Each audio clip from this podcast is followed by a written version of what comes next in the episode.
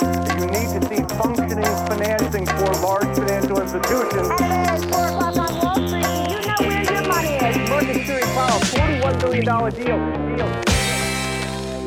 Det är onsdag den 21 februari när det här spelas in och hög tid för ett nytt avsnitt av investerarens podcast. Väldigt hög tid för ett nytt avsnitt. Jag hann ju faktiskt inte ens spela in ett avsnitt förra veckan eh, och det finns förklaringar till det och det handlar om att eh, jag var ungefär sådär 25 meter under ytan och för er som håller på eller har hållit på med fritidsdykning vet att då behöver man ju ett Advanced Open Water Diver certifikat och inte bara det vanliga Open Water Diver. Varför var jag under ytan? Jo, för att vi letade högdjur till Montrose-podden där vi under de första avsnitten vill intervjua näringslivets makthavare, högdjuren där ute. Eh, så att vi har legat på span och Eh, min vd Alexander Boman han stövlade över till en jaktaffär här i närheten och köpte en tok-orange keps där det står jaktledare på.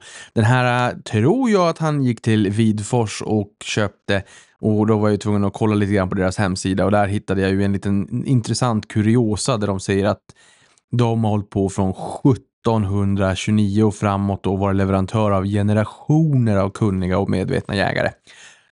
Ytterligare en liten kuriosa här också är att de har en koppling till Hennes och Maurits där de säger på sin hemsida då H&M Group här under historia så 1968 där de säger citat Hennes acquires the Stockholm-based hunting apparel and fishing equipment retailer Maurits Vidfors and the name is changed to Hennes Mauritz. The store starts offering men's and children's clothing covering fashion needs for the entire family. Slutcitat. Så eh, världen är liten som man brukar säga. Nåväl, vi har legat och lurat på jaktpass som sagt. Vi har velat få in storvilt och det har vi också fått. I förra avsnittet kunde man lyssna till eh, den gamla socialdemokraten Anders Sundström som var med och räddade eh, svensk ekonomi på 90-talet. Men som hade en, väldigt mycket av en förkärlek till näringslivet Eh, och därmed kom att kallas den röde baronen. Och han har varit med och räddat Boliden tillsammans med Carl Bennet men även Swedbank under finanskrisen. När han var vd för Folksam, investerade 16,5 miljard, kom ut med 200 miljarder.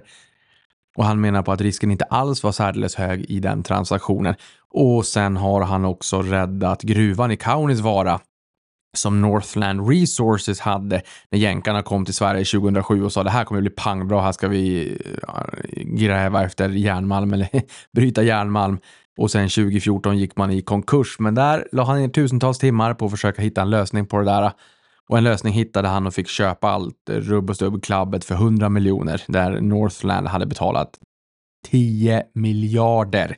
Och jag som bodensare kommer ju ihåg en gång i tiden när jag och Alexander Boman träffades när han lockade tillbaka mig till Avanza Wayback. Det här är alltså många år sedan då. Då hade han tagit med eh, en liten kuriosa data då över vilka aktier som var mest populära i Boden eh, glimten i ögat. Eh, men, men en sån, it's, it's all about the details, vilket gjorde att eh, jag blev varm i kroppen när han hade varit så snäll och tagit fram den där datan då.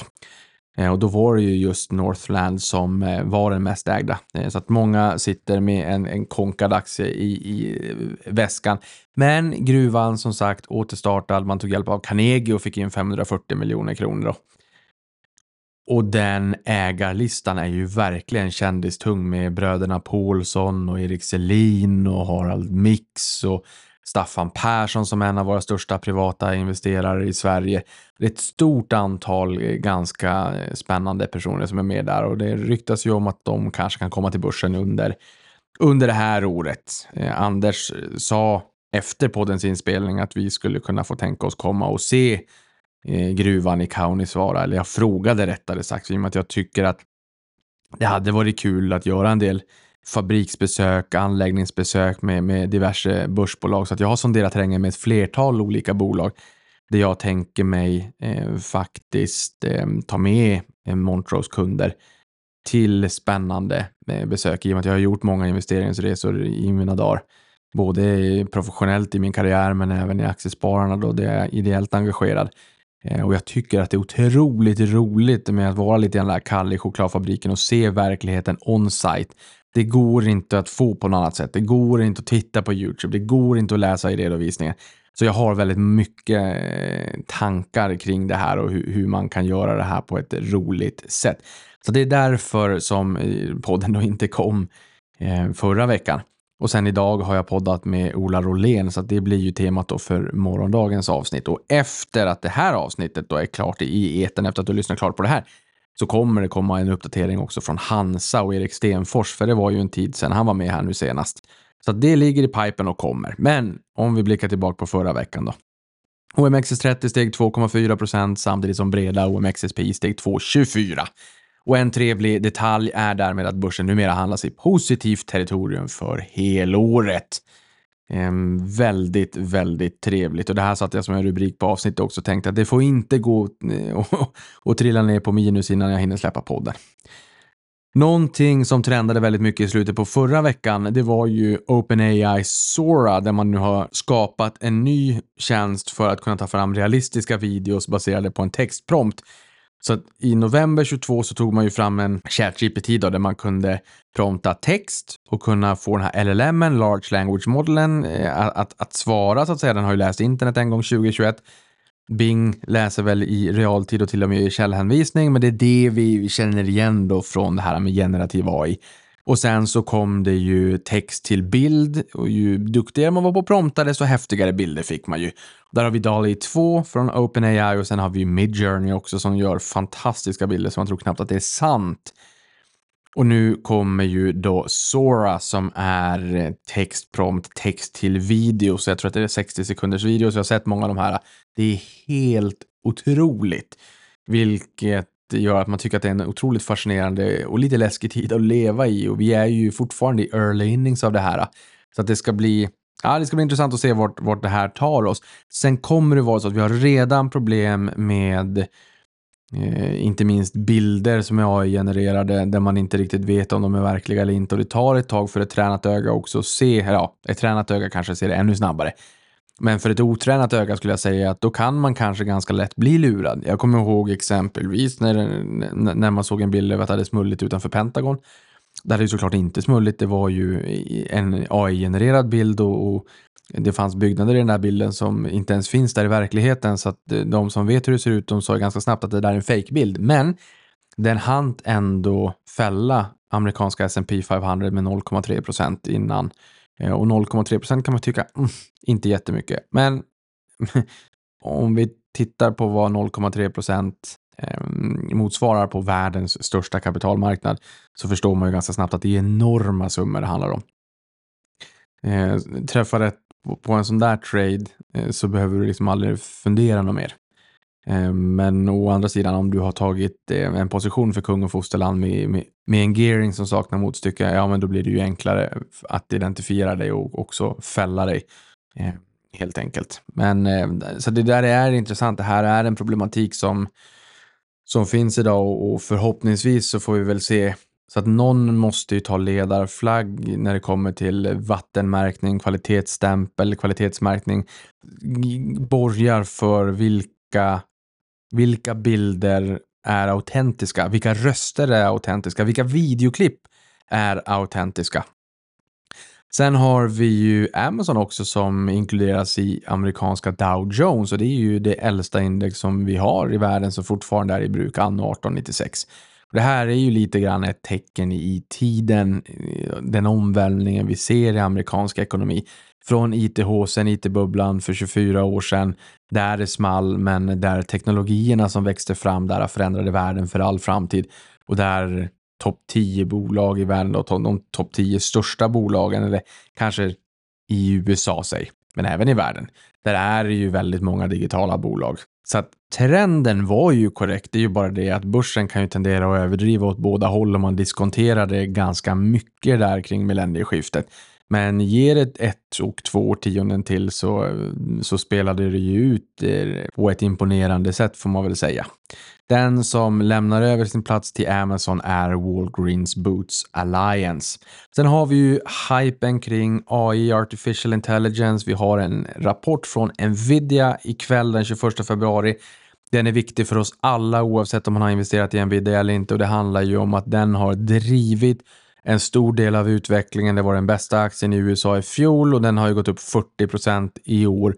Nu var den ner 4,5 procent igår, den 20 februari och det räckte ju för att det skulle vara den största nedgången i bolagets historia någonsin och en av de största nedgångarna i dollar räknat i USA. Inte den största, men en av de största. Det blir ju baksidan så att säga när man har växt väldigt mycket och den här har ju sprungit om Amazon och Alphabet, alltså Googles moderbolag då. Ehm, så det är, det är en hög förväntansbild på bolaget, det är det. Eh, och rapporterna som har kommit nu senast har ju liksom exploderat på ovansidan, vilket har inneburit att värderingen har gått från skyhöga nivåer, tresiffriga p-talsnivåer, till att ha varit någonstans på en 24 gånger årsvinsten, vilket är lägst i, i det femårsspannet som eh, har bjudit på ett snitt på snarare 40, så att i, i den kontexten är den ju billig. Och det här är svårt för oss alla att eh, kunna förutse sådana här rörelser när det är transformativa teknologiska skiften. Det kan mycket väl vara så att vi verkligen är i early innings av AI och att den kommer förändra världen för all framtid. Jag tror det. Jag tror det är stenhårt. Ju fler människor jag pratar med om det här, kollegor, börsintresserade personer, företagsledare på våra börsnoterade bolag där ute, till vad jag hör för diskussioner i bussen nu senast. Var det någon som satt i, i bussen och pratade om ett antal olika affärsidéer kopplat till AI. Och jag bara njöt när jag satt och lyssnade på, eh, på, på det där samtalet och förstod att alltså, ja, potentialen är så enorm. Men det kan vara så att börsen springer lite för fort. Vi såg det när det kom till förnybar energi 2020.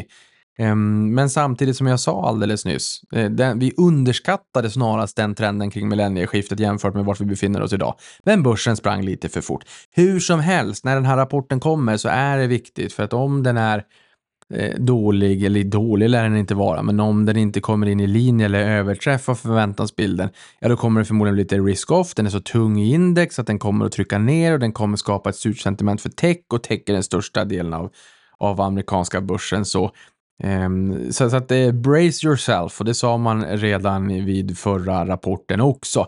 Men den här hypen, den är inte död. Antalet pressreleaser bland bolagen i S&P 500 som nämnde AI steg till 533 stycken under Q4 jämfört med 360 stycken under Q3. Och inkluderar vi regulatoriska dokument och transkriberingar av konf så stiger den siffran till 953 stycken. Och som jag sa nyss här, Nvidia är poster child och verkligen, verkligen en favorit bland eh, retail. I år har retail nettoköpt aktien för 1,2 miljarder dollar i USA, vilket är högre eller mer än någon annan aktie i Magnificent 7 eller för, för börsen för den delen. Så att som sagt, brace yourself lite grann för rapporten. Jag kommer ihåg way back innan generativ AI, det är i och för sig inte så mycket way back, men innan det var den, den, den stora snackisen så var det mycket annat som drev i Nvidia. Det var bitcoin och det var gaming och det var självkörande bilar och det var digitala tvillingar, Omniverse och jag har roat mig själv många gånger att titta på videoklipp på, på YouTube när det kommer till Omniverse, digitala tvillingar och fabriker och sådär. Jag tycker det är jättespännande. Eller för den delen när man vill vara med och dechiffrera djurrikets språk då med bloggen, eh, googla på Nvidia och sen Whale, Whale hello there. Eh, fascinerande.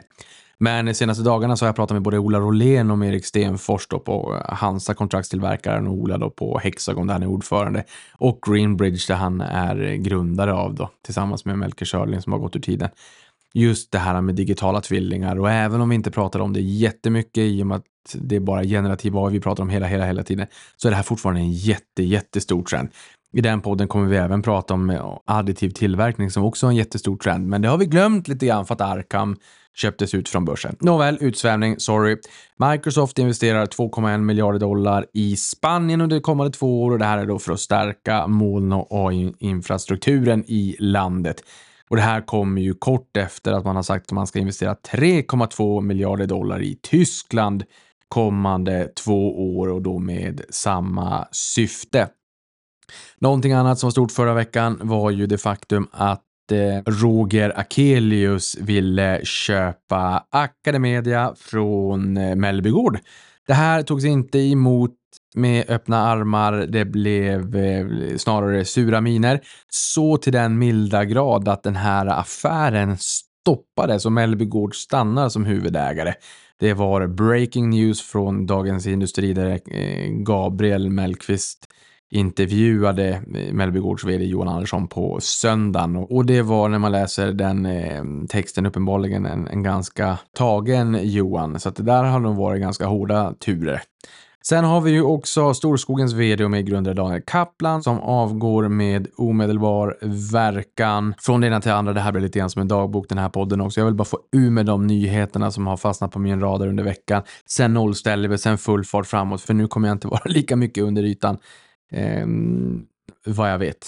Eh, famous last words. OpenAI igen, de ska utveckla en sökmotor som kan bli en direkt konkurrent till Google, enligt en källa till The Information. Sökmotorn här kan delvis komma att drivas genom existerande Bing då, och Bing är ju då sökmotorn som Microsoft äger. Sen har vi Warren Buffetts Berkshire Hathaway som har minskat sitt ägande lite grann i Apple.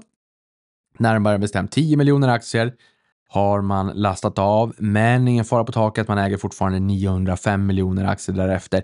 Men man sägs här vara i färd med en ny potentiell stor investering och man har ju också fått undantag från att inte behöva berätta riktigt allt vad man sitter och ruvar på i portföljen när man håller på att ackumulera en position. Så det här är tisseltassel. Det här kommer bli väldigt intressant att se vad, det, vad detta kan bli.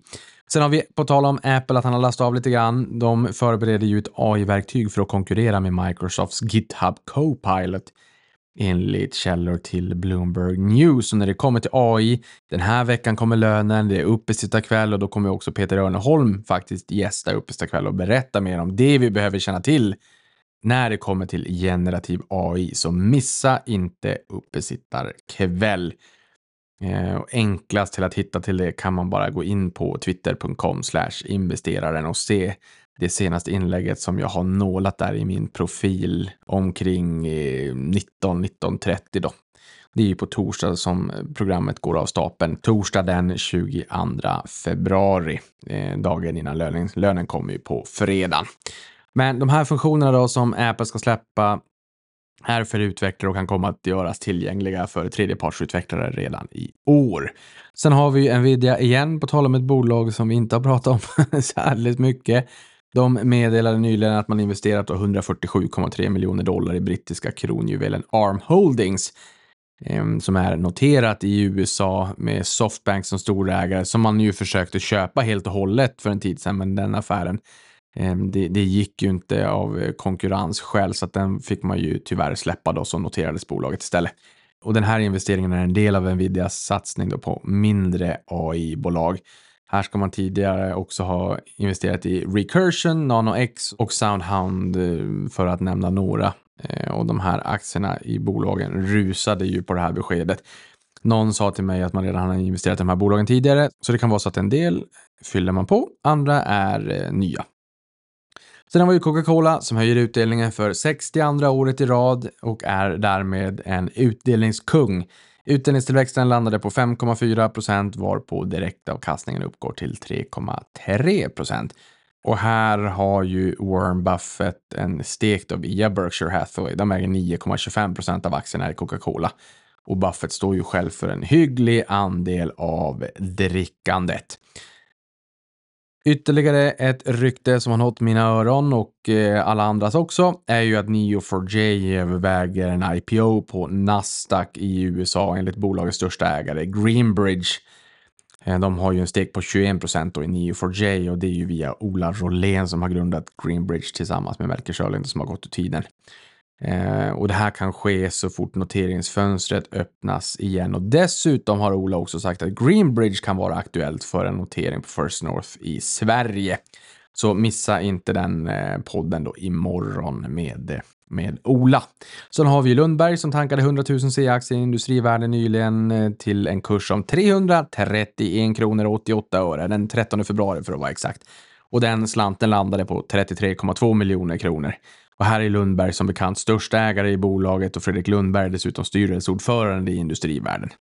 Dessutom köptes 422 000 aktier i Aleima för 28,3 miljoner kronor. Och här kan jag ju också säga en liten kuriosa då, det är ju att eh, Ola Rolén jobbade inom stålindustrin innan han tog över som vd för Hexagon år 2000. Och hade han inte lämnat för Hexagon utan jobbar kvar och inte bytte roll alls fram till idag. Då hade han varit vd för dagens Aleima. Och en annan kuriosa, det är att när Ola fyllde 50 så fick han ett släktträd. Och på det där släktträdet så insåg han att han har släktingar i Montrose i Skottland. Så att ja, så, så alldeles uppenbarligen så världen är liten. Vi heter Montrose by Carnegie, den investeringsplattformen jag är med och bygger. Och eh, Ola Rolén, hans släktingar, silvermyntssmedar way back, kom från Montrose. Ehm, jag tycker det var en fantastisk kuriosa. Med de orden så hoppas vi att eh, rapporten från Nvidia ikväll blir bra och att börsen fortsätter att vara lite trevlig, håller sig över eh, nollstrecket och på rätt sida om rättesnöret. Positivt territorium för helåret. Eh, åtminstone fram till att vi hörs igen nästa vecka. Så med de orden, stort tack för mig och tack för att du lyssnar på det här.